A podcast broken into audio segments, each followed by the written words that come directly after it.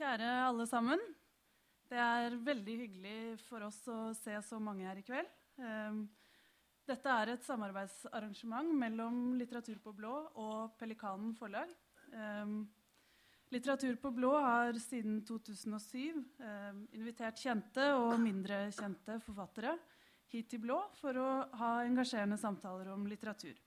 Og i dag er vi ekstra glad for å ha den svenske fotografen Thomas Vågstrøm og den norske forfatteren Karl Ove Knausgård til å samtale om deres siste samarbeidsprosjekt. Forhåpentligvis ikke det siste, nei. Eh, faktisk det andre av tre, kan jeg avsløre. Eh, på vegne av forlaget så vil jeg igjen bare si at vi er utrolig glad for at det kom så mange. Eh, dette er altså lanseringen av denne boka, som heter 'Nakker', som eh, kom ut i dag. Og traff butikkhyllene i dag, eh, sier ryktene i hvert fall. Eh, dette er bok nummer to eh, i samarbeid mellom Thomas Vågstrøm og Karl Ove Knausgård. Den første het 'Alt som er i himmelen', som også var fotografier av eh, fotograf da, Thomas Vågstrøm og et essay av eh, Karl Ove Knausgård. Er vel ikke å røpe for mye å si at det kommer nok en tredje bok, og at det er et skifte i perspektiv her, men det kommer kanskje dere inn på senere. Altså blikket opp på himmelen, og nå det bortvendte blikket på nakkene, for så å komme et tredje blikk som, uh, som dere kan snakke om siden. Eh, skal ikke si så mye mer enn det. Uh, boka er selvfølgelig tilgjengelig her etterpå, eller begge bøkene for de som uh, skulle ønske det. Så tusen takk for at dere er kommet, alle sammen. Eh, og så skal uh, Marte dra igjennom noe av programmet også. Vi har en tredelt, tredelt program i kveld. Først skal vi få en samtale mellom Thomas og Karl Ove, som er ledet av Tom Egil Verven, som er hovedkritiker i Klassekampens bokmagasin.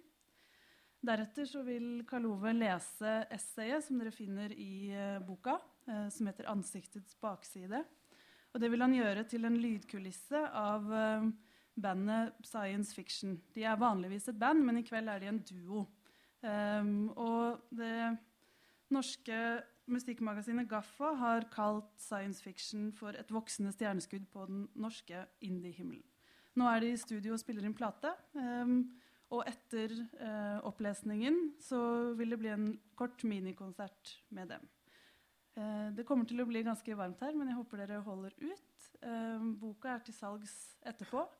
Eh, og det er veldig hyggelig om alle blir igjen og drikker litt øl og har det hyggelig ute på uteplassen her også. Så da overlater jeg scenen til våre tre gjester og håper alle får en fin kveld.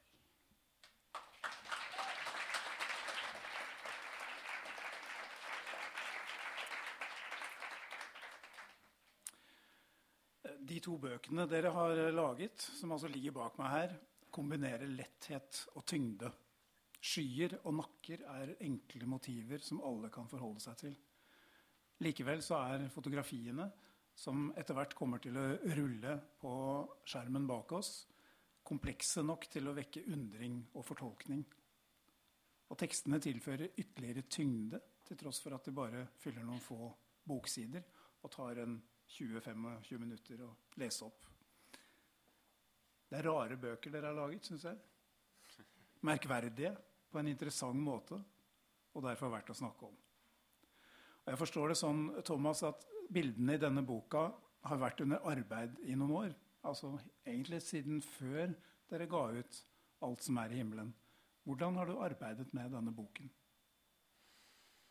Ja, eh egentlig var det så her at jeg begynte började fotografera nackar redan 2010.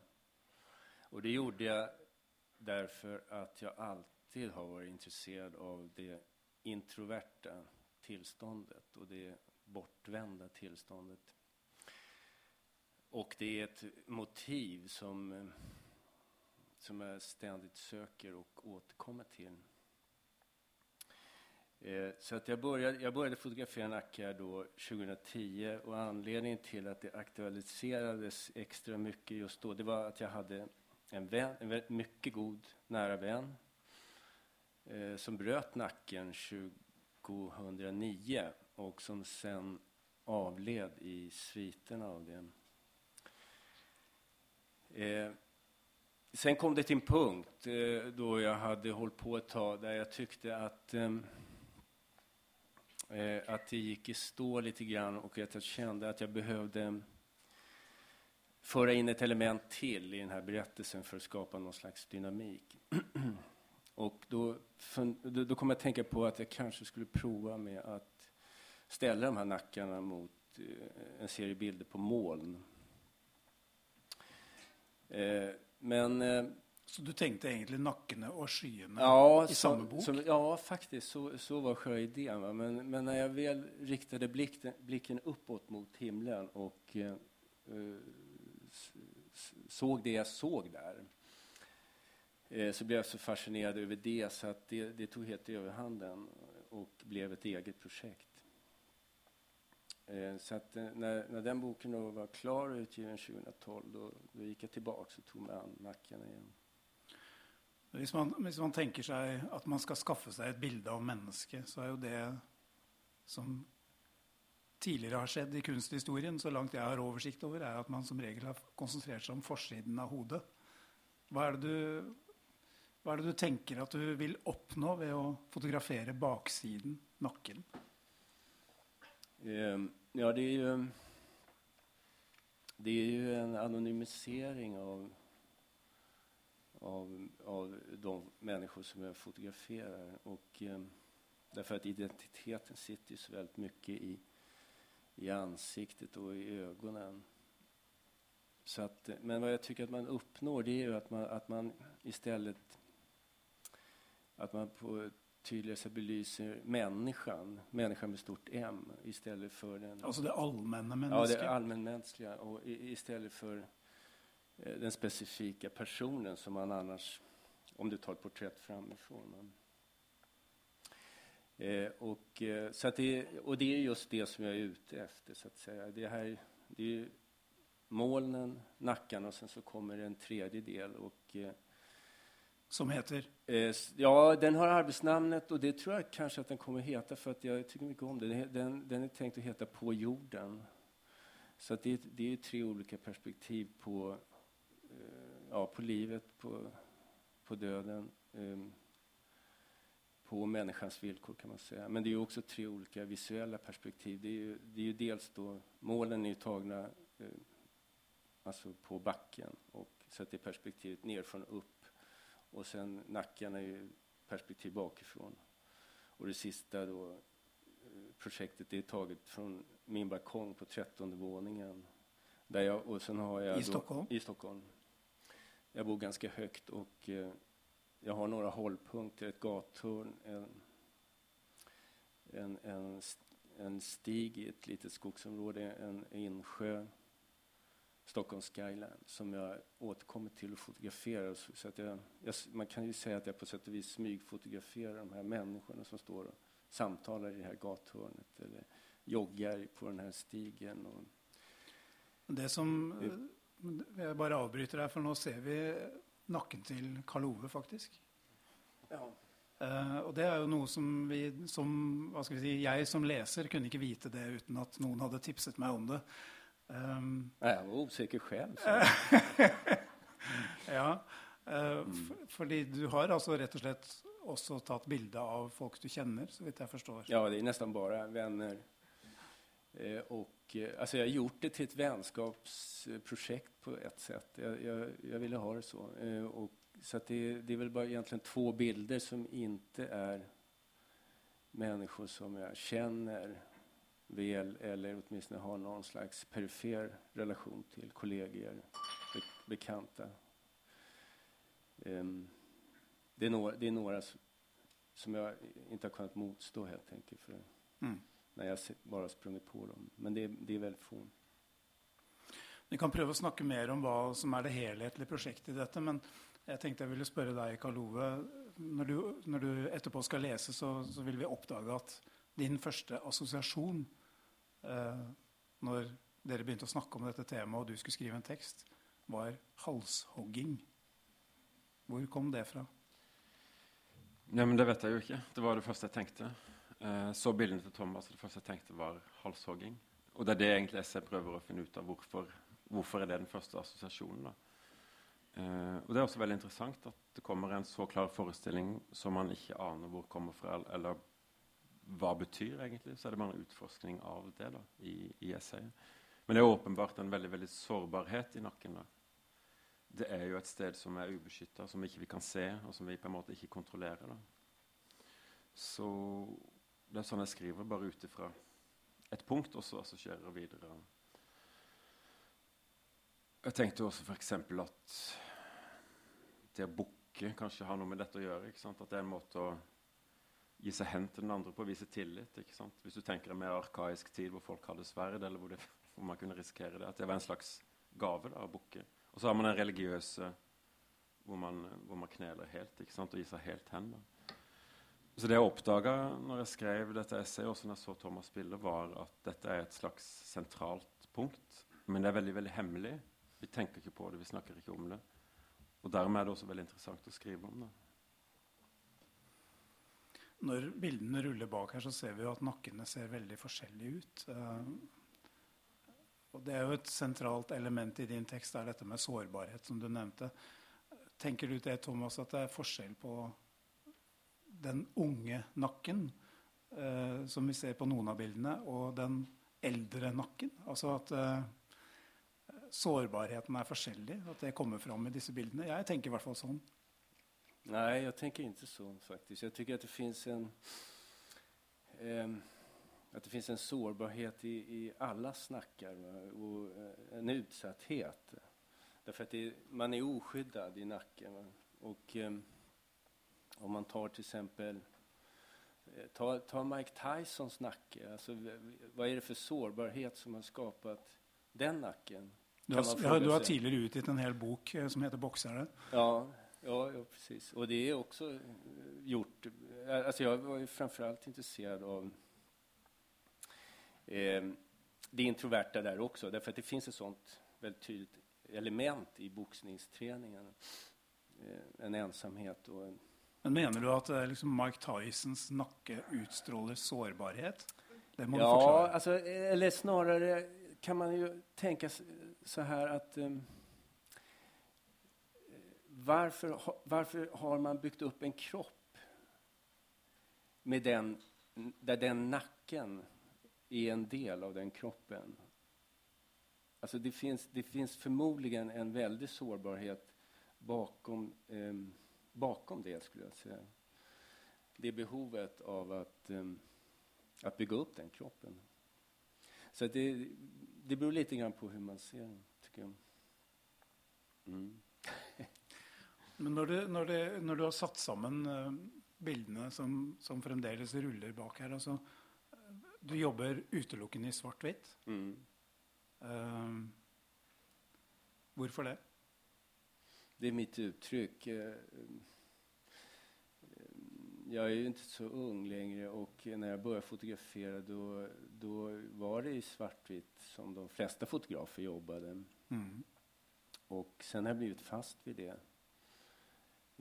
det uttrycket. Och, ehm, alltså jag har svårt att hitta, jag har svårt att hitta mitt uttryck i färg. Jag har försökt, men mm. det blir, det blir nu, nu för tiden så när man jobbar digitalt så fotograferar man ju allting i färg så får man ta bort färgen och göra det svartvitt om man vill mm. ha svartvita bilder. Så att, eh, jag har väl haft idéer om att eh, när det gäller vissa projekt att de ska vara i färg och sen så tar jag bort färgen så tycker jag att det blir så himla mycket bättre helt enkelt.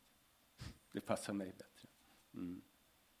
For det blir jo et, også et spill mellom lys og skygge Ja, och det blir också någon slags eh, ridå mellan eh, ridå till verkligheten, alltså som... Eh, Ett förhäng ja, på norsk? Ja, förhäng. Ja, precis. Mm. Som tillför någonting till At Att svartvitt är ett, en ridå? Eh, nej, det vet jag inte. Man måste säga så. Men, det, men eh, eh, det kan bli lite för verkligt i färg, helt mm. enkelt. Mm. Karl Ove, ditt, ditt, essay går jo også på det hva, altså På hvilken måte kan vi erfare menneskekroppen som virkelig?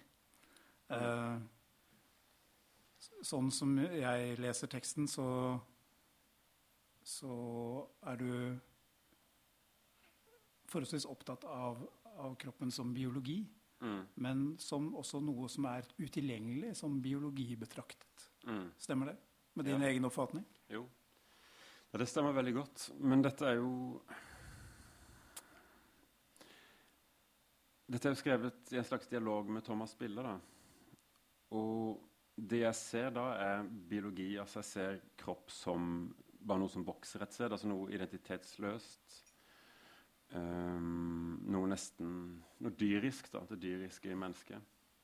Ja, og hvor, hvor eh, rett og slett halsen og nakken er en, eh, skal en slags ledning. Uh, Ja, men det er jo så utrolig masse assosiasjoner Ja, som samles der. da. Ja. Ja. Nei, men Du har hodet som er intellekt, kroppen som er følelsene, alt det der. da. Men jeg er også interessert i det materielle, det biologiske, eh, kroppslige em, I motsetning til på en måte det mellommenneskelige. da. Eh, det, vi, det vi lever i, flyter i, språket, alt det andre. Jeg har altså et enormt sug etter å komme utenfor det menneskelige. altså Å, å se det utenfra. ikke sant? Og Det er helt umulig. Det, men i kunsten så kan man forsøke. da, og Det er det jeg tenkte Thomas gjør i disse bildene. Se det menneskelige utenfra. Eh, og så Kjernen i essayet, altså selve hoved, den aksen det dreier rundt, er en beskrivelse av en fødsel. Eh, for det uh, det var mitt eget barn som ble født for ikke så lenge siden.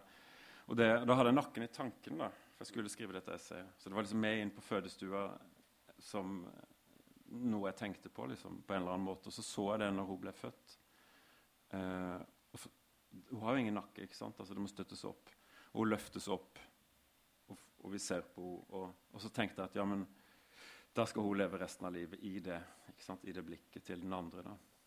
Eh, og det er den dynamikken mellom å være et menneske, noe biologisk, noe kroppslig, eh, som vi aldri kan få se, få øye på sjøl, tenker jeg, men som vi lever i. ikke sant? Det er noe med det utilgjengelige perspektivet. da. Og det har alltid interessert meg, alltid forsøkt å komme ut dit, utenfor det menneskelige. Det er jo så klart umulig, men det dras mot, mot det. da. Et slags olympisk perspektiv eller et guddommelig perspektiv. Eller menneske som menneske. da. Og faren med det er jo at mennesket som biologi, eller mennesket som kropp, eller eh, mennesket som masse, mennesket sett utenfra uindividuelt Uh, Det på den ene sida kan være noe veldig fint, kan være noe kollektivt. På den andre sida er det nazisme eller, eller andre store kollektive bevegelser. Sånn at jeg syns at veldig mye av dette samles i nakken. I, for det er et sted som vi sjøl ikke kan se, vi sjøl ikke kan overskue, men som vi også er veldig fortrolige med. Og Thomas har snakka litt før om at det er et veldig sensuelt sted. da. Veldig følsomt sted. Um, så det er vel sånn rundt disse tingene jeg har tenkt når jeg har skrevet det. Men jeg må jo legge til at uansett hva man skriver om bildet, så er bildene alltid mer. da. Jeg tenker nesten at bildene er the real thing. Malerier eller foto eller det visuelle. da, At det er det som Der er det, liksom. Det er nesten som et dikt. Der er det. Det er noe veldig konsentrert. ikke sant? Alt finnes der. Men det er ikke forklart. Skal du skrive om det, forklare og ta omveier rundt hodet intellekt og sånn. Men, mens disse bildene er bare saken sjøl, nærmest. Dette er vel et bilde av en seks måneder gammel baby. Så din datter er da halvparten av dette nå, Karl Ove? Ja. Men det er, denne, det er denne nakken her vi snakker om, da, som, eh, som omtrent ikke har muskler, som ikke kan holde hodet oppe. Mm. Mens her kommer det en eh, noe eldre mann. Eh, den rake motsetning. Eh, jeg syns jo det er en, det er en, en sterk eh, og Det er, virker som dere er ganske samstemte i dette med å, å legge vekten på nakken som dette sårbare punktet. Eh, hvor på en måte ja, Det er jo det som er denne halshoggingsassosiasjonen nå. Da. Det stedet hvor alt kan bryte sammen. Eh,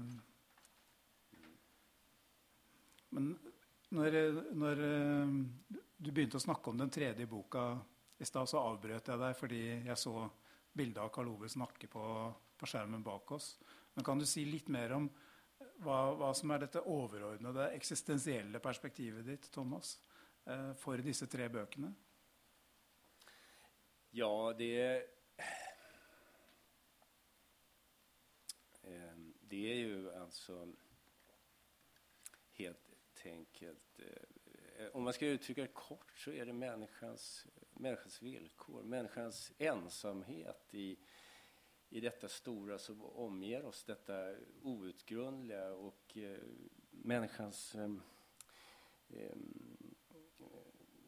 alltså ovisshet och, och eh, det, det outgrundliga va, som alla funderar över. Var, var, varför är vi här? Vad är meningen med det? Och vad är det för någonting som omger oss egentligen? Och hur stort är det? Och så vidare. Och så vidare. Det är ju någon slags grund va, för eh, allt vid skapande, de tankegångarna. Sen så kan det ta sig olika uttryck. Men, men jag tror att det är eh, ändå det som eh, som sam kommer att sammanföra de här tre böckerna. Och det är därför som jag eh, väljer att kalla det för en trilogi.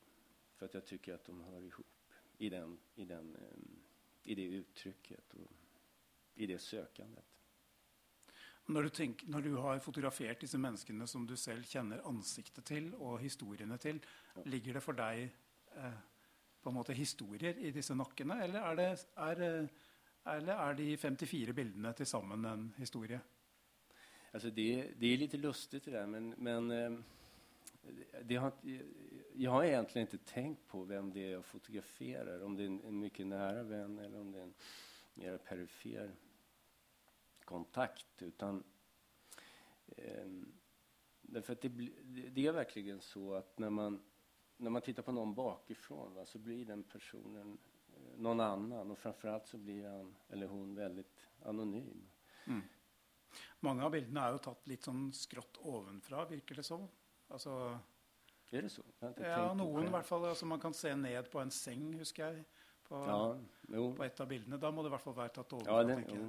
Det stemmer. Ellers så tenker jeg jo, I Karl Ove, i ditt essay så lager du en motsetning mellom det å være stivnakket og det å være duknakket. Som et eksempel på hvordan nakken er skrevet inn i språket. Mm. Eh, hvordan tenker du deg den motsetningen? Jeg, jeg, tenker jo at disse menneskene her som er avbildet, virket egentlig verken stivnakkede eller duknakkede. men de er veldig avslappet, for ja. Thomas er en uh, veldig avslappet menneske å være i nærheten av. tror jeg. Så, ja. så, så, det er nok det. Nei, men jeg tenkte på uh, hva som samler seg i nakken. ikke sant? Ja. Uh, og man ser jo nesten aldri bilder av nakken. Man ser bilder av alle andre kroppsdeler. Alt annet menneskelig ser man bilder av hele tida. Ofte kommersialisert, ofte til salgs. Liksom. Men nakken er ikke til salgs, hvilket jeg syns er interessant i seg sjøl. Er til salgs her, da. Ja, men det er ikke så veldig dyrt. Er det sant? Men dette er unntaket. Jeg la ballen til rette for det. Ja. og så gikk jeg til språket, og, og, og det er så forferdelig mye som knytter seg til hjertet, f.eks. Som også burde være en sårbar sted, som også man kan, bli, kan være dødelig bli ramma i. Men, men, min hjerte betyr alt mulig annet. Da. Og så tenkte jeg fins det noe som nakken samles opp i språket.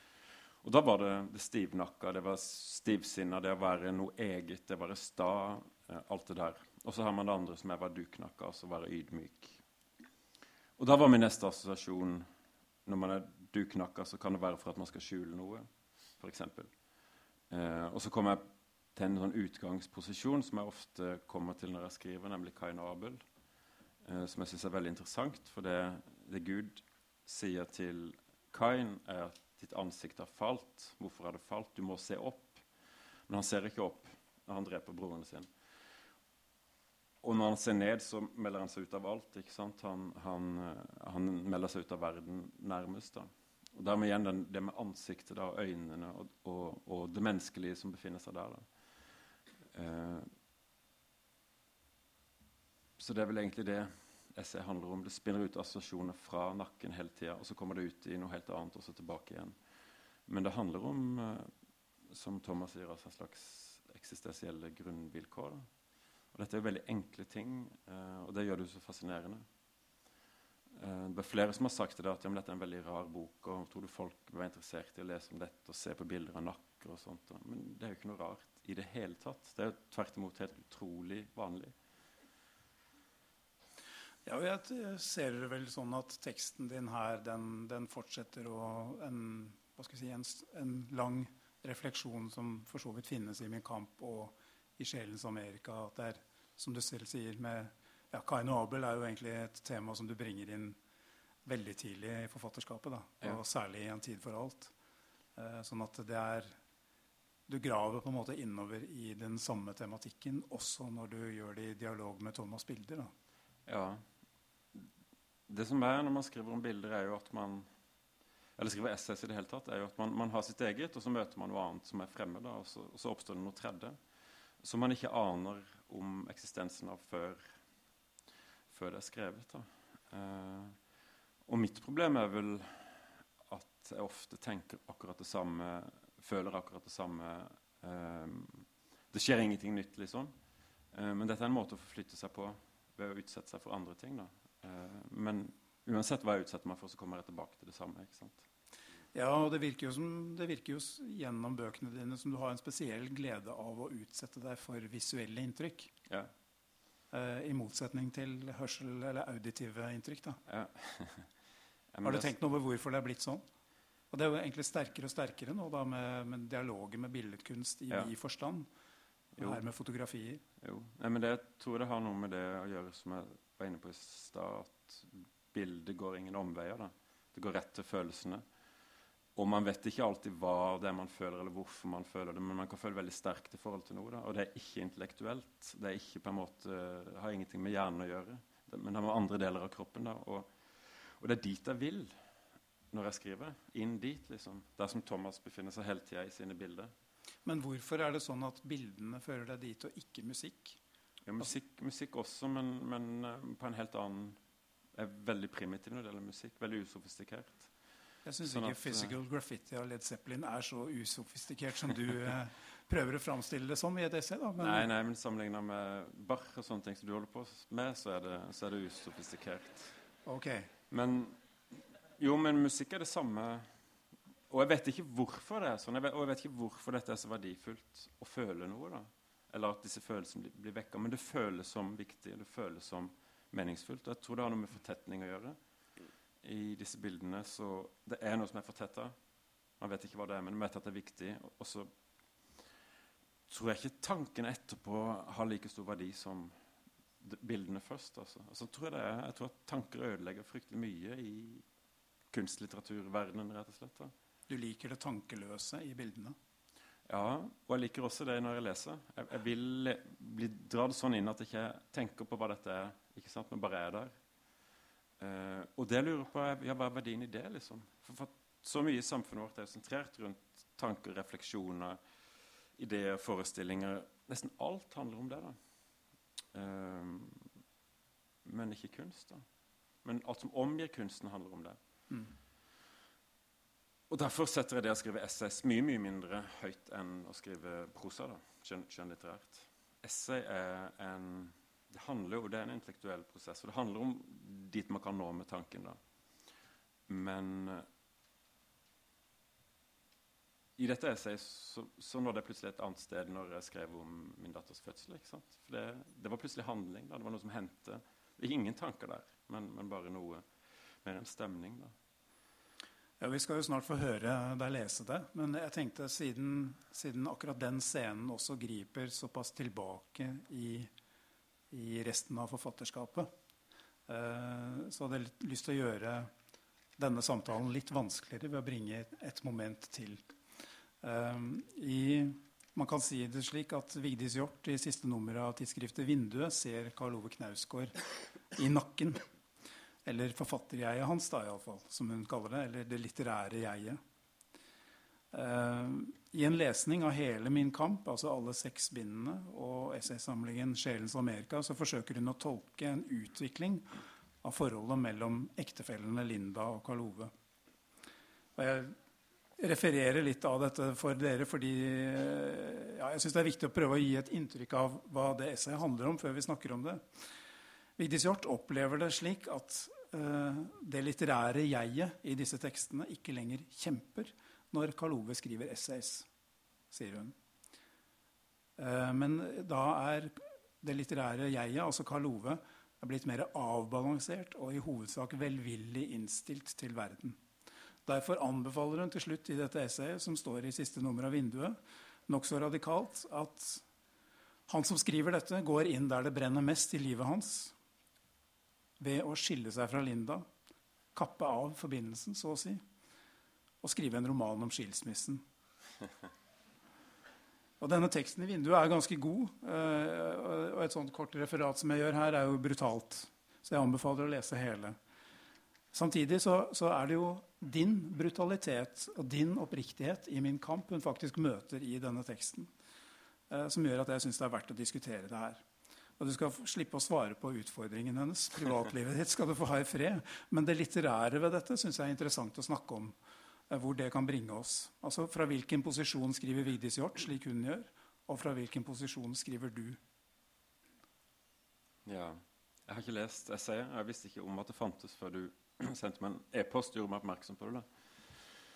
Um, jeg har jo også tenkt på å skille meg iblant, uh, men ikke av den Det har du skrevet om. Ja, men ikke av, av den grunnen. Jeg, for meg så er dette um, Hun har vel helt rett i at man skal gå der det brenner. Um, jeg vet ikke helt hvor dette er på vei, egentlig. Men det føles som livet mitt er full av branner som jeg prøver å slukke. da. Og at jeg vil gjerne ha et, et bra liv. Eh, og at litteraturen min kommer i eh, Kommer til nettopp fordi at livet mitt ikke er bra. Det kommer til fordi at det er konfliktfylt, uharmonisk, disharmonisk osv. Jeg får ofte spørsmål om er det mulig å være en god forfatter og en god far samtidig. Uh, dette er en ny problemstilling. Det var ingen som stilte den før. Det var, tror jeg det var de gode forfatterne var dårlige fedre. Uh, dette to, familielivet er basert på harmoni. Uh, gi og få ting til å fungere og oppofre seg. Uh, forfatterskap er det motsatte. Det handler om å kutte alle bånd. Handler om å være helt alene, isolert, stå utenfor alt. da. Uh, men jeg syns problemstillinga er ligger en slags jeg vet ikke, en slags feighet eller et eller annet bak her, syns jeg. Um, um, en assosiasjon kunne være at det er Vigdis Hjorth som går rundt med en rasende 1800-tallsmann i sitt indre, nemlig Søren Kirkegård, som hun leser mye for tiden, og som uh, jo skilte seg, dvs. Si, brøt forlovelse med Regine og skapte største, et av de største litterære verkene jo, jo. som er skrevet i Norden noensinne. Men altså, jeg leste biografien til uh, sønnen til Aksel Sandemo som skrev om sin far. og Det er kanskje det verste karaktermordet som fins i norsk litteratur. Han, han sabler han totalt Jørgen, Jørgen Sandemo. Jørgen Sandemo ja, en fryktelig god biografi. Uh, og Han beskylder vel sin far for å iscenesette omtrent familiedramaer, skilsmisser og oppbrudd for å ha noe å skrive om. da. Og noe sant ligger det helt sikkert i det. Og det fins nok antageligvis hos alle forfattere, vil jeg tro. Uh, men et godt råd jeg har fått som forfatter, det var Tur Erik Lund som ga til meg. Han, uh, han snakka om at man må dette er ikke ordene han brukte, men at man, man har de betingelsene man har, og man omfavner de. Har man skrivekrampe, okay, så må man omfavne skrivekrampe. Gå inn for skrivekrampe. Være der, liksom. Bruke alt man har, uansett hva det er man har. da. Og har man et familie hvor man forsøker å være harmonisk eller, eller få det til å gå ikke sant? Så det, det er en helt totalt sekundær ting. Det, det, kan jo ikke være der det brenner i det ytre. liksom. Det er den indre brannen som, som teller. Men jeg vet ikke om jeg helt forstår egentlig hva hun snakker om. Nei, En assosiasjon jeg fikk, var at kanskje Vigdis Hjorth ligner mer på din forlegger Geir Gulliksen, som du skildrer uh, i det siste essayet i 'Sjelens Amerika', hvor du gjør det ganske klart at dere som forfattere er veldig forskjellige. Ja. Og at Vigdis Hjorth kanskje ligner mer på ham, sånn som du beskriver han i det essayet. Ja, ja det, kan, det, kan, hende. Men ja ja men Man blir også alltid redd for det her. ikke sant? Altså, redd, ok, Er det sånn at ikke lenger kan skrive. da. Uh, og er det sånn at Hvis jeg prøver med noe nytt, det blir dårlig, eller det tør jeg det? liksom, ikke sant? Uh, nå har jeg hatt masse fremgang med det her. Skal jeg ikke bare skrive én bok til om dette? Så jeg er sikker på at liksom fremgangen fortsetter. Men det skjønner jo alle at det er jo døden for en forfatter. Så det handler veldig mye om å være modig som forfatter. da. Og, ja, ja. Men er det ikke nettopp dette du går inn i ved å skildre denne fødselen som skjedde for tre måneder siden? Gå inn i hva da, tenker du på? Der det brenner. Jo. For meg så, så, brenner alt hele tida. Og, og, det er en ekstremt uh, ubehagelig sted å være i. da. Og det å skrive er en trøst eller en, uh, noe helende. da. Så et, et annet godt råd som jeg har plukka opp som forfatter, er Eldrid Lunden, som, uh, som hadde som et intervju en gang hun var lærer på uh, skrivekurs i Bø og har vært lærer for mange mange norske forfattere. Og hun sa til en ung forfatter gå hjem og skriv om melka di, gutt. Og det, sånn er det, altså. Hvis ikke du kan skrive godt om et glass melk, så, så er du ingen ordentlig forfatter. Og det det som, og det brenner der også. ikke sant? Jeg syns det er interessant å lese den internasjonale kritikken av uh, Min kamp som nå kommer. Uh, og da også de essayene som som du har publisert uh, på engelsk. Uh, hvor forfattere som Sadie Smith eller Harry Kunstrud eller uh, nå en veldig god artikkel som sto i den største canadiske avisa, The Globe and Mail, i helga, de legger veldig vekt på dette med det helt alminnelige, det hverdagslige. At det Jeg syns kanskje det får en større si, en større bredde i lesningen av dine tekster eh, når, du, når, de kommer ut på engelsk, enn de gjorde når de kom ut på norsk? Um, Apropos dette med glasset med melk. Jo. Ja, men Det er også en, det er den anglosaksiske verden. Da, og, og, de er veldig opptatt av i sine romaner altså plott, dramaturgi, karakterer litt mer filmatisk. Da. Og Det er en tradisjon, rett og slett. Fortellertradisjon. da. Og for disse er det uhørt at du skal finne en bok som bruker ti sider på å skildre bleieskift. eller noe sånt. De har ikke tenkt at det går an engang, tror jeg. Mens i, i tysk-europeisk altså modernisme og prosa så er det mye mer, mer vanlig. Da, på, på, en eller annen måte. Så jeg tror at de syns det der er veldig fremmed og underlig, samtidig som det er veldig velkjent. Da. Jeg tror vi skal høre teksten. Ja. Eh. Så da må vi ha en liten pause. Så sier jeg takk til Thomas Vågstrøm og Karl Ove Knausgård for samtalen. Og så får vi opplesning snart.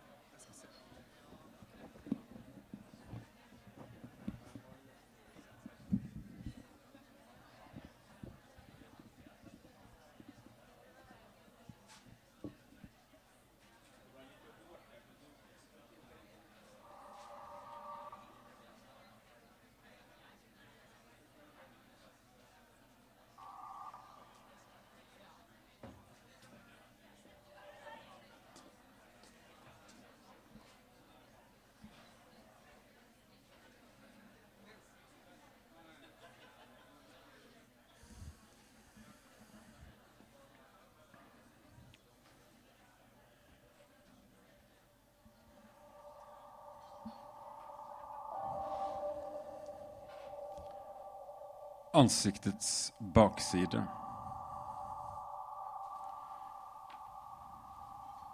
Når jeg tenker på nakken, er det første jeg assosierer til giljotine, halshogginger, henrettelse. Og det er jo litt merkelig, siden vi lever i et land hvor henrettelse ikke forekommer, giljotiner ikke finnes, og halshogging således er noe ytterst perifert i kulturen. Men likevel, tenker jeg nakke, tenker jeg hogge av. Det kan naturligvis komme av at nakken lever et bortgjemt liv i skyggen av ansiktet. At den aldri inntar noen privilegert plass i våre tanker om oss selv, og bare trer fram på scenen under disse mest ekstreme situasjonene, som riktignok ikke forekommer lenger på vår kant av verden, men som det likevel er flust av rundt oss i og med fiksjonens mange dekapitasjoner. Men jeg tror det stikker dypere enn det. Nakken er et sårbart og utsatt sted på kroppen. Kanskje det mest sårbare og utsatte. Og opplevelsen av det er grunnleggende, selv uten et overhengende sverd. På den måten er den i slekt med redselen for slange eller krokodille, som like gjerne kan opptre i mennesker på Finnmarksvidda som i Sentral-Afrika, eller for den saks skyld redselen for høyde, som kan ligge latent i mennesker som aldri har sett noe annet enn sletter og sanddyner, lavland og sumper, åkrer og jorder. Frykt er arkaisk. Det er nedfelt i kroppen, i sin reneste form urørbar for tanken, og den er der for å holde oss i liv. Det finnes andre sårbare steder på kroppen. Hjertet er kanskje det mest nærliggende. Men når jeg tenker på det, går ikke assosiasjonene til at det kan bli gjennombåret av et spyd eller en lanse eller en pistolkule. Det ville være absurd. Nei, hjertet fyller meg med tanker om liv og kraft. Og om det er sårbarhet og frykt involvert, er den mild. En bekymring for at det en dag vil stoppe av seg selv. Slik er det naturligvis fordi hjertet tilhører kroppens framside. Den vi møter verden med, og alltid har under kontroll. Så vi kan se hva vi har foran oss, se hva som venter, og ta våre forholdsregler. Hjertet føles trygt. At nakken egentlig er like trygg, siden vi lever i en verden hvor ingen lenger bærer sverd, spiller ingen rolle for følelsen av utsatthet.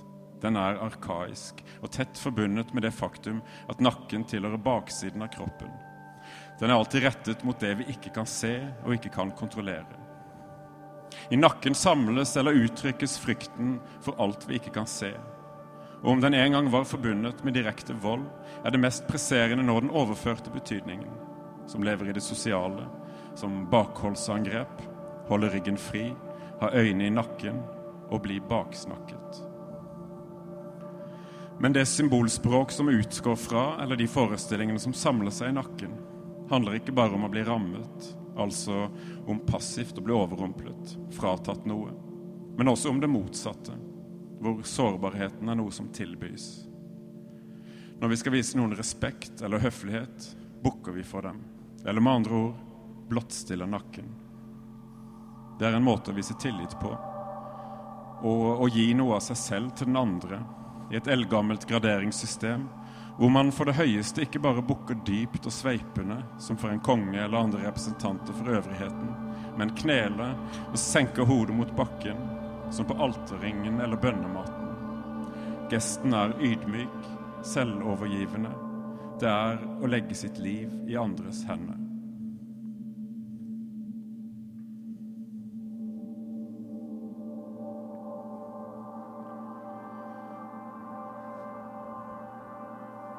Når jeg ser på fotografiene i denne boken, som er av nakke, er det det jeg ser. En nakke kan ikke være moderne.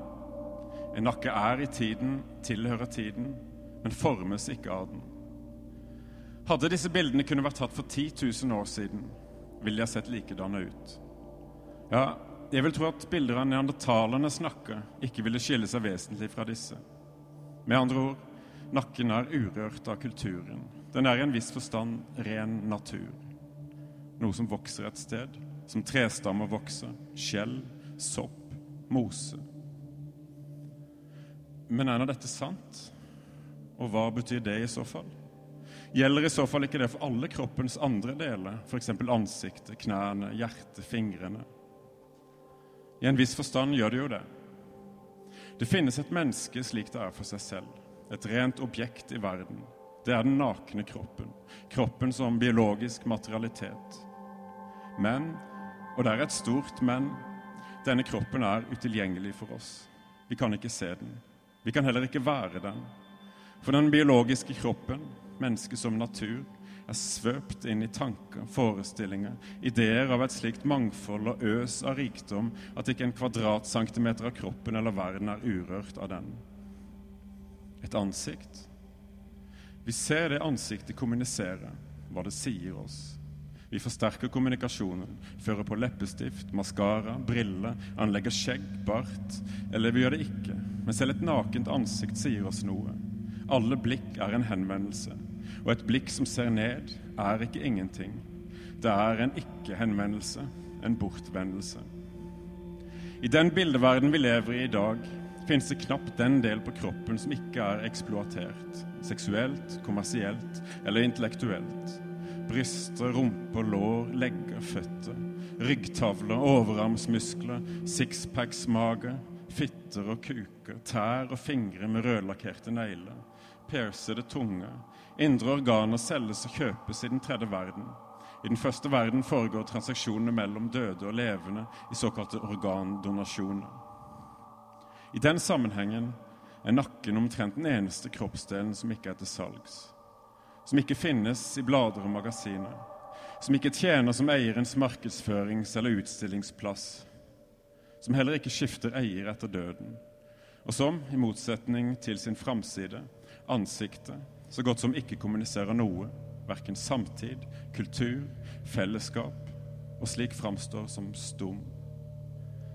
Og Det er derfor, tror jeg, at man ved å se på nakken, som disse bildene leder oss til å gjøre, får følelsen av at vi får et glimt av kroppen slik den er i seg selv, ikke individuell, ikke relasjonell, biologisk, hel og egentlig.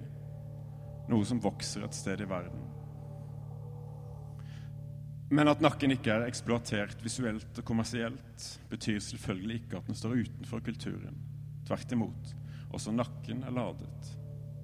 Det betyr bare at den er litt perifer, litt bortglemt, oftest assosiert til det å ikke se og til det å ikke bli sett, altså negasjoner. I motsetning til f.eks. hjertet, som også er blindt og stumt, men i kontakt med en helt annen rikdom av betydninger. Hjertet betyr kjærlighet, det betyr varme, vennlighet, omtanke. Hun har et stort hjerte. Der er det hjerterom. Jeg sender deg mine hjertelige hilsener. Han har hjertesorg. Hjertet, det er livet, lyset, kjærligheten, medmenneskeligheten. Den eneste overførte betydningen nakken har, i alle fall som jeg kan komme på, er det å være stivnakket, altså sta, stri, egensinnig, vrang, umulig. Å være stivnakket er å ikke gi, ikke fire en tomme, alltid vite best selv, alltid holde alt inntil seg selv. I forlengelsen av dette ligger det å stå oppreist, som er den positive varianten av stivnakkethet. Altså at man ikke gir avkall på sin stolthet og selvrespekt, men står støtt i seg selv. Altså er nakken i en viss forstand knyttet til å stå utenfor det sosiale. Det motsatte i nakkens språk er det å være duknakket, altså kuet, altså i hendene på andre, men en mer passiv og mindre frivillig forstand enn det man er når man bukker dypt eller kneler i respekt for den andre eller i vonde innenfor det hellige. Det kan derfor se ut som om nakken i kroppsdelenes symbolske språk har inntatt plassen mellom ydmykelse og stolthet, selvovergivelse og selvrettferdighet men på en ytterst diskré, nesten grå, eminenseaktig måte. Til stede så godt som bare indirekte. I motsetning til de mer prangende organer og ledd, som hjernen, symbolet på intelligens, forbundet med en viss kulde og avstand, men også klarhet og objektivitet. Ikke nedsyltet av uklare følelser og styrt skjør av sentimentalitet, slik den som tenker med hjertet er. I kroppens metafysikk utgjør nakken forbindelsen mellom hjernens fornuft og åndens lys, og kroppens irrasjonalitet og begjærets mørke. Nakken er med andre ord stedet mellom og stedet utenfor. Det å være stivnakket kontra duknakket har ikke bare med blottstillelse av nakken eller ikke å gjøre, har ikke bare med å vise seg forsvarsløs eller ikke å gjøre. For når man bøyer nakken, skjules også blikket for den andre. Å se noen inn i øynene er å si at man er likemenn.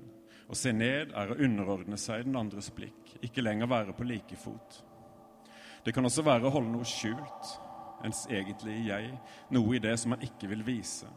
Hat kan ligge i det nedadvendte blikket, eller skam, eller som ofte tilfellet er, begge deler samtidig. Urbildet på den bøyde nakken og det nedadvendte blikket fins i Bibelen, i historien om Kain og Abel, hvor det står om Kain at hans ansikt falt. Jave spør hvorfor ansiktet hans har falt, og fortsetter. Hvis du vil gjøre godt, løft opp, og hvis du ikke vil gjøre godt, vil synden krype sammen ved døren, og det er deg den begjærer, og du vil herske over den. Dette rører ved selve kjernen av det menneskelige, slik jeg ser det. At det å være i seg selv er umenneskelig. Det menneskelige er alltid noe som blir til i noe annet. Ja, det menneskelige er dette andre som vi blir til i og er i. Det å være duknakket er å være duknakket i forhold til noe. Det å være stivnakket er å være stivnakket i forhold til noe. Det å gi seg hen i tilbedelse er å gi seg hen til noe. Og også det å se ned er å se bort fra noe. Denne relativiteten som er like kompleks som den er abstrakt og ugripbar, siden den foregår i mellomrommene og ikke har noe eget objekt, ikke noe eget sted, alltid ufestet, alltid i bevegelse, gjør forestillingen om det biologiske mennesket til en fiksjon, et bilde blant andre bilder, ingenting i seg selv, annet enn i døden, når kroppen for første gang ikke griper etter noe, ikke søker noe, og først da er noe bare i seg selv, dvs. Si, ikke lenger menneske.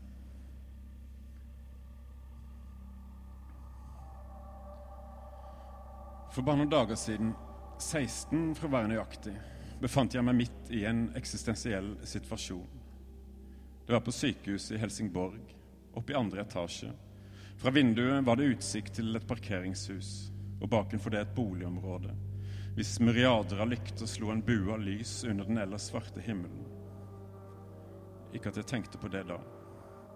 Vi ventet vårt fjerde barn, den kommende moren lå i sengen med et elastisk bånd rundt den digre magen. Jeg satt i en stol under vinduet og fiklet med mobiltelefonen. Av og til kom en jordmor eller sykepleier inn i rommet for å se om noe hadde hendt. Rommet var klinisk og fullt av teknisk utrustning. Jeg så en oksygenbeholder, en hjertestarter, og like ved siden av meg sto en monitor hvor man kunne lese av barnets hjerteslag og morens veer som grafer og tall. Lyset var sterkt, sengene justerbare og av metall. Foran vasken sto det en dispenser med desinfiserende middel og en med såpe. Da veene like etter begynte å komme tettere, og fødselen for alvor var i gang, forsvant alt dette. Moren sto på kne med overkroppen hengende over sengeenden. Hver gang en av veene kom, grep hun masken med lystgass og pustet dypt inn. Av og til ropte hun inn i masken. Det var som om det gikk bølger gjennom henne, og at hun falt transakte inn i deres rytme, som liksom forflyttet henne til et annet sted, av smerte, kropp, mørke. Ropene var hule og liksom endeløse, uten begynnelse eller slutt. De ble mørkere, mer dyreaktige, og bar på en smerte og fortvilelse som var så stor at alt jeg gjorde, om det nå var å legge armene rundt henne og presse kinnet mitt inntil hennes, eller massere henne på ryggen, bare var små, hjelpeløse krusninger på overflaten av det dyp hun befant seg i. Hun var midt i noe, på et sted jeg aldri kunne nå, men bare betrakte utenfra. Og likevel endret det alt også for meg. Var liksom en tunnel i hvis side det materielle ble oppløst i dunkelhet. Det var følelsene som trengte fram og tok over. Det var dem jeg så med. Hun la seg ned på siden og pustet ikke lenger jevnt. Tok ikke lenger av masken, og dønningen av smerte falt tilbake, men lå og skrek av sine lungers fulle kraft helt til hun ikke hadde luft igjen. Da tok hun sats igjen og skrek et nytt skrik, som selv om det halvt druknet i masken, likevel var gjennomtrengende og av en beskaffenhet jeg aldri før hadde hørt. Like etter kom barnet fallende ned i sengen. Det var lillafarget, den tykke navlestrengen nesten helt blå. Det var ei jente. Hodet var sammenpresset og glinsende, ansiktet rynkete, øynene lukkede. Hun lå helt urørlig. Hun er død, tenkte jeg. Tre jordmødre kom styrtende til. De frotterte den lille, glatte kroppen, og hun skrek for første gang. Det var et lite skrik. Det hørtes mest av alt ut som brekingen fra et lam. Inntil da hadde ingen og intet kunne nå henne, der hun lå omsluttet av vann midt inni en annen kropp, og i noen sekunder var hun også urørt i verden, der hun lå som død, innelukket i seg selv, uten å puste og med lukkede øyne. Men så ble hun tatt på, og så trakk hun pusten. Ikke uten smerte, går jeg ut ifra, og verden flommet inn i henne. Jeg har aldri sett det så tydelig før. Hvordan et nytt menneske bokstavelig talt blir løftet inn i fellesskapet av andre mennesker. At det er det som skjer. Et nyfødt barn har ingen muskler i nakken, og sårbarheten og hjelpeløsheten i det er absolutt. Det kan ikke flytte seg, og ikke engang holde hodet oppe selv, men må bli støttet av andres hender, holdt oppe mot andres ansikter, som er det første hun ser når hun åpner øynene. Med det trer hun inn i kretsen av ansiktet som hun skal leve hele resten av sitt liv i.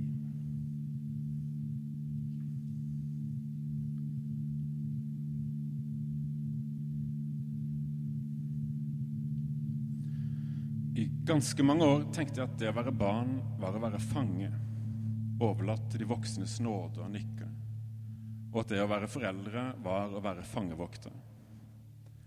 Nå tenker jeg at det kanskje er omvendt. At det er barnet som er fritt, de voksne som er fanget. Ja, iblant strekker den tanken seg så langt som til at det er barndommen som er meningen med livet. At det er den som er vårt høydepunkt. Mens hele resten av livet er en langsom reise bort derfra. Hvor hovedoppgaven er å stå til tjeneste for dem som nå befinner seg i eksistensens midte, altså barna. Kanskje det er derfor jeg alltid har likt Heraklits bilde av guden som et barn som litt skjødesløst leker med spillbrikker at jeg på en eller annen måte har, som med så mye annet av denne førfilosofens fragmenter, fornemmet at det var sant. Dette, tenker du nok, sier mer om meg enn om barndommen. For om barndommen skulle være livets senit, hva da med sex? Hva da med kjøttets lyst? Hva da med ambisjoner, ærgjerrighet, stordåd, karriere? Hva da med innsikt, klokhet, erfaring, livstyngde? Hva da med framskritt, erobring, rikdom og prakt? Politikken, vitenskapen, opplysningsprosjektet? Å sette barn og barndom foran alt dette vitner ikke bare om en betydelig regresjon, men også om en enorm resignasjon. Kunnskap øker smerten, står det i Bibelen. Og bare den umodne kan vel ønske smerten bort til fordel for kunnskapsløshet. Det er en del av det å være voksen, og håndtere det komplekse. Og når det kommer til sex, som er det vår kultur sirkler om, og som kanskje er den aller viktigste drivkraften i livene våre, når alt kommer til alt og vi har kniven på strupen, vitner det å se bort fra dette ikke bare om puritanisme og renhetsforestillinger, og heller ikke bare om de to begrepenes iboende kroppsangst, som i mitt tilfelle må forstås som kvinneangst, men også om en enkelhetslengsel som innerst inne er gold, uproduktiv, livløs, ja, død. Barnet skaper ingenting, det bare er.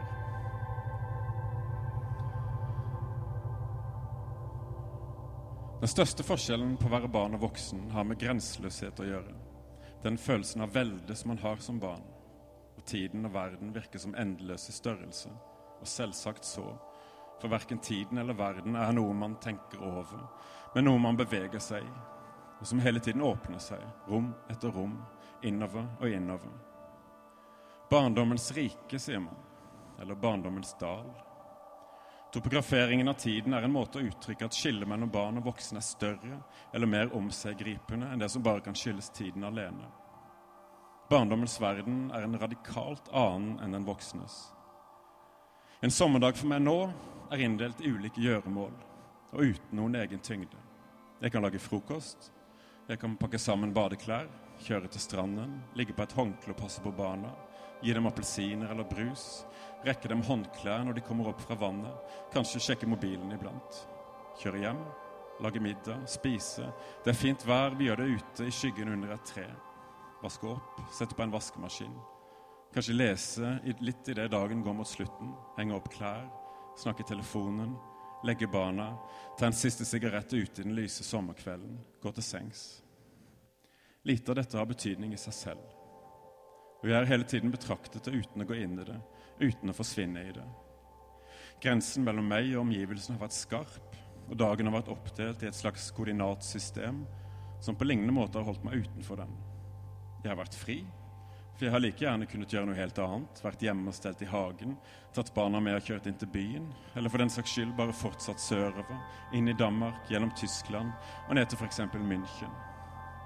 Om barna hadde mukket, ville jeg kunne ha tatt i bruk noen av de virkemidlene som jeg som voksen råder over, som spenner fra rene bestikkelse til tvang og mild vold. De er nesten alltid overlatt til de voksnes vurdering av handlinger, og er i den forstand ufrie. Og når jeg på denne måten tilbringer dagene sammen med dem, ser jeg dem gjøre det de gjør ut ifra min egen innstilling til verden, hvor dagene forsvinner som virvlende ned i et sluk, den ene etter den andre, uten at noen av dagens hendelser noen gang overmanner meg. Det er tiden som kvantitet, det er livet som masse. At det kanskje ikke er slik for barna, er vanskelig å gripe, siden vi lever side om side og deler nesten alt som skjer. Likevel aner det meg at de opplever disse dagene annerledes, for jeg kan fortsatt huske hvordan det var å være barn, når solen steg opp over grantrærne i øst og fylte huset med lys, og jeg gikk barbeint over først det rustrøde vegg-til-vegg-teppet, deretter det gylne parkettgulvet og til sist det ørlite kaldere linoleumsgulvet på vei fra soverommet til kjøkkenet, hvor jeg skulle spise frokost. Solen var som en person. Eller ikke person, men mer som en skikkelse eller skapning som jeg hadde et personlig forhold til. En slags fortrolighet. Der var den igjen, gul og lysende.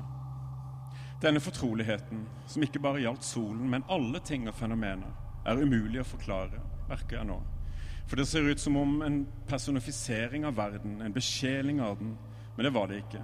Det var noe annet. En slags inderliggjøring, kanskje som om jeg møtte ting og fenomener i verden på samme måte som jeg møtte ansiktet jeg kjente, med den samme fortroligheten, uten at jeg på noe tidspunkt tenkte på solen eller alt det andre som personer, som levende. Men alt hadde sine ansikter. Ethvert tre, enhver bakke, enhver sykkel. Og følgelig var noe jeg forbandt meg med, for jeg så treet, bakken, sykkelen og gjenkjente dem. Dette blikket er borte. Solen er solen, et tre er et tre, en bakke er en bakke, en sykkel er en sykkel. Jeg ser ikke lenger på verden som jeg ser på ansiktet. Det er som om ansiktene har vendt seg vekk.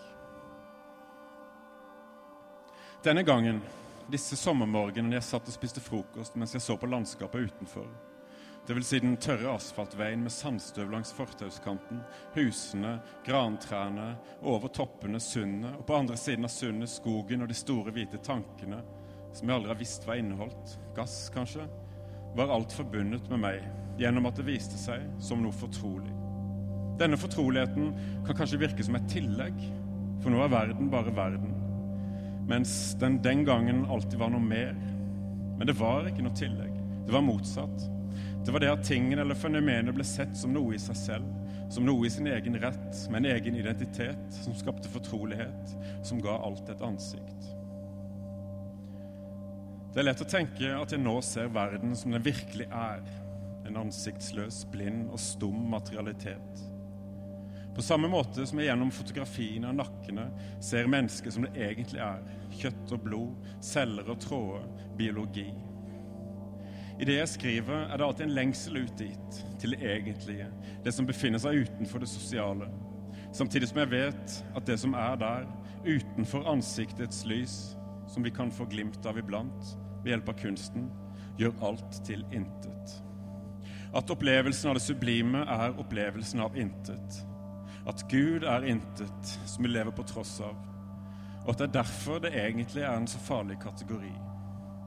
I oss selv som kropper av kjøtt og blod, vokst fram et sted i verden, er vi ingenting. Og det er derfor, tror jeg, at jeg er så redd for dyrking av organer, for manipulasjon av gener, for menneskemaskinen på operasjonsbordet. Hele dette biologisk materielle framskritt, som riktignok redder og forlenger liv, men som samtidig reduserer det, fører det nærmere ingenting. En wire, en streng, et rør, en renne. Hvis det er sant, hva skal vi med sannheten? Den gangen da verden besto av ansiktet, visste jeg ikke hva som hendte. Hvorfor det som hendte, hendte. Det bare hendte. Hvorfor var jeg f.eks. så opptatt den gangen, da jeg var rundt syv-åtte år, å se meg selv i speilet? Ikke bare frontalt, men fra sidene og til og med bakfra. Jeg sto der på baderomsgulvet med et lite, rundt speil i den ene hånden og rettet det mot det store baderomsspeilet foran meg, i stadig nye vinkler, slik at jeg kunne se meg selv i ulike former av profil, og til sist liksom bak og ovenfra, slik at bakhodet og den øverste delen av nakken kom til syne. Det jeg så, fylte meg med sterkt ubehag. Så jeg altså også slik ut? Ansiktet mitt hadde jeg vent meg til og godtatt, men ikke dette. Men det var det andre så. Det var slik jeg var for dem. Kanskje var det derfor jeg utforsket det. Et lignende ubehag følte jeg første gang jeg hørte et opptak av min egen stemme, og første gang jeg så mine egne bevegelser på en TV-skjerm. Det var fremmedgjørende. Det gikk ikke an å identifisere det med meg selv, slik jeg var. Det var som om jeg plutselig samtidig også var en annen. At det var denne andre som alle andre så og hørte, plaget meg. Det kan fortsatt plage meg, ubehaget ved ikke-identiteten. Nå, når jeg har egne barn, ser jeg på selvspeilingen og selvlyttingen ikke som et utslag av narsissisme eller selvopptatthet, selv om det også er det, men som en del av sosialiseringen, det å bli et selvstendig individ. Å sosialiseres er å lære å se seg selv slik man er for andre. Å oppdra et barn er egentlig ingenting annet enn å gestalte eller personifisere dette, de andres blikk og stemme. For til å begynne med har barnet et slags udifferensiert jeg, gjennomstrømmet av følelser og behov, som liksom kan tennes og slukkes, men ellers ikke styres. Siden dette er alt, er det også ingenting, dvs. Si ukjent. Noe tennes, noe slukkes. Alle grensene man som forelder etter hvert setter opp, alle forbudene og påbudene, handler ikke bare om hvordan barnet skal oppføre seg. Det handler ikke bare om hvordan man skal få det til å fungere på en friksjonsfri måte i hverdagen, selv om det kanskje ofte er drivkraften. Men er også alltid et blikk, er også alltid et sted hvor du kan se seg selv fra et annet sted enn jeget, som først da kan tre fram som eget og helt. Det blir voksent. En prosess er fullført, og en annen setter inn. Langsomt vender verden sitt ansikt bort. Det som gjelder for individets identitet, gjelder også for kulturens. Om ikke på samme måte, så i alle fall ifølge det samme prinsippet. At den hele tiden bestemmer sine grenser og hele tiden søker blikket utenfra. Om det er nødvendig, eller hvorfor det er nødvendig, vet jeg ikke. Svaret på det er det samme som på spørsmålet om hvorfor vi har kunst, eller hvorfor den er nødvendig. Vi lever i det sosiale. Det er det like det er ansiktenes lys. Men vi eksisterer i det ulike. Det er for oss fremmede. Det er ansiktets bakside. Det er det som stumt vender seg bort, ute av rekkevidde for språket. Som det sivende blodet, hjernens ørsmå kapillærer er utenfor rekkevidde for tankene, som tenker på dem bare noen millimeter unna, i det jeg, som ved nærmere undersøkelse, ikke er noe annet enn en kjemisk og elektrisk reaksjon i det svampaktige objekt som nakken holder oppe.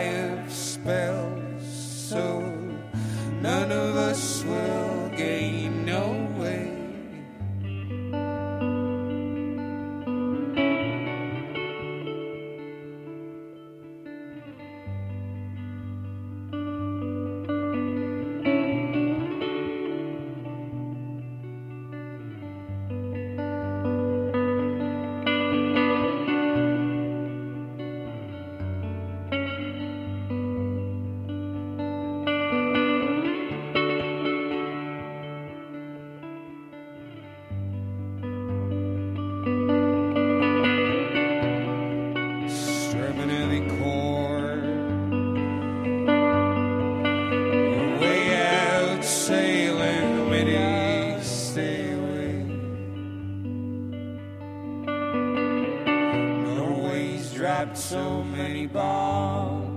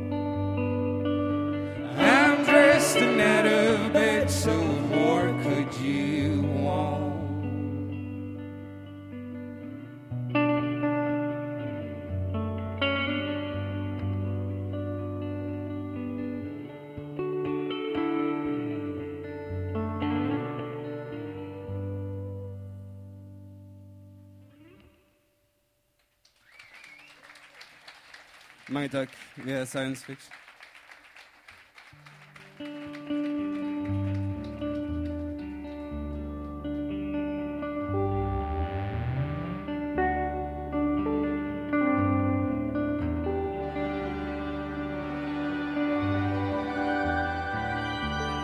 I'm by the party, I can't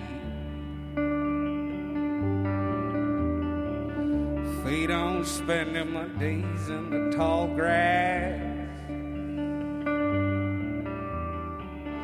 My numbered continuous sway. Waiting for the pendulum to pass. Explain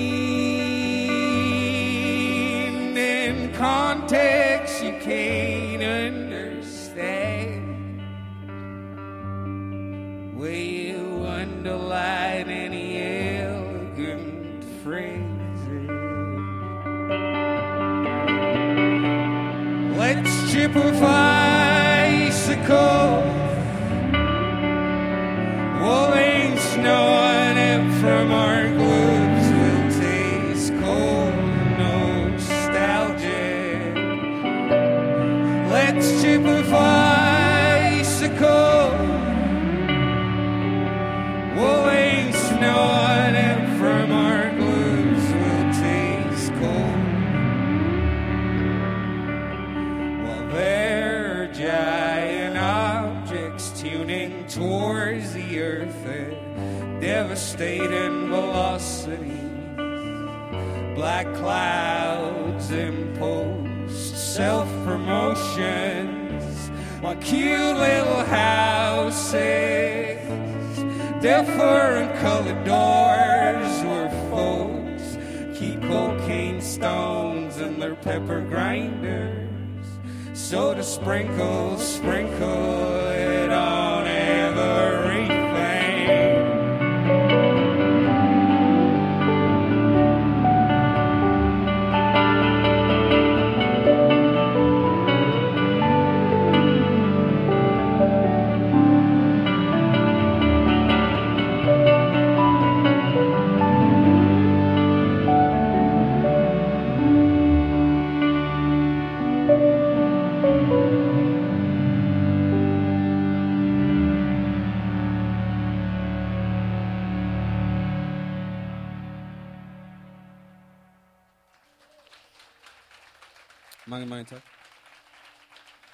Veldig, veldig veldig hyggelig å bli invitert til ei så søt og fin greie.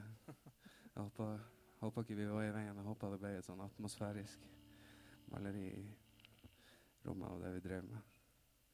Uansett holdt på vi å spille inn plate, og den kommer til å bli helt konge. Og det her er den beste gjestevokalisten vi har hatt noensinne. Um, ei, til, og så går vi og har det greit sammen. Her heter Spy og Spy.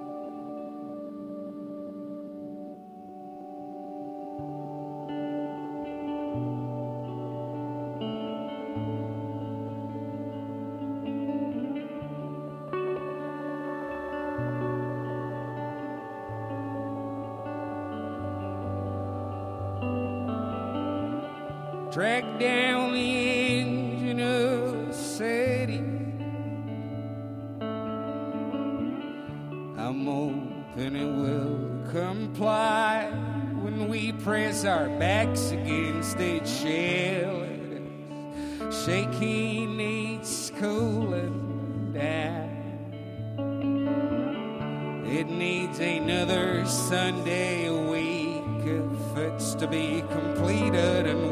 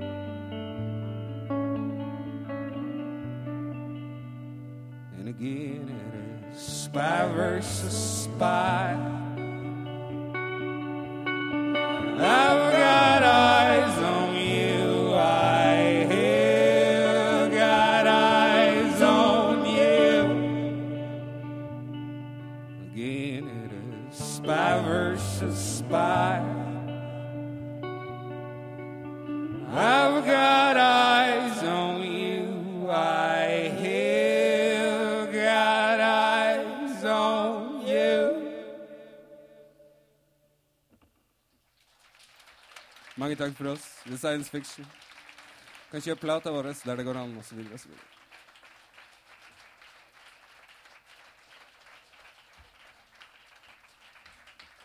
Tusen, tusen takk til Science Fiction for å lydlegge denne kvelden og for låtene til slutt her. Og tusen takk eh, til alle dere som kom, eh, og alle dere som eh, er der ute og trengte luft også, for all del. Det som skjer her nå, er selvfølgelig at vi bare henger rundt her. Det er det som er en lansering, egentlig. Eh, men i tillegg så blir det nå, så vidt jeg skjønte, ut ifra brannvernforskrifter, så blir det boksalg og signering i den døra der som åpnes. Så de som står der, de må finne seg en eh, litt annen plass. Så blir det da anledning til å kjøpe både alt som er i himmelen og nakker der, og eventuelt få de signert for de som ønsker det. Og igjen, tusen, tusen takk for at dere kom, og ha en fortreffelig kveld. Tusen takk.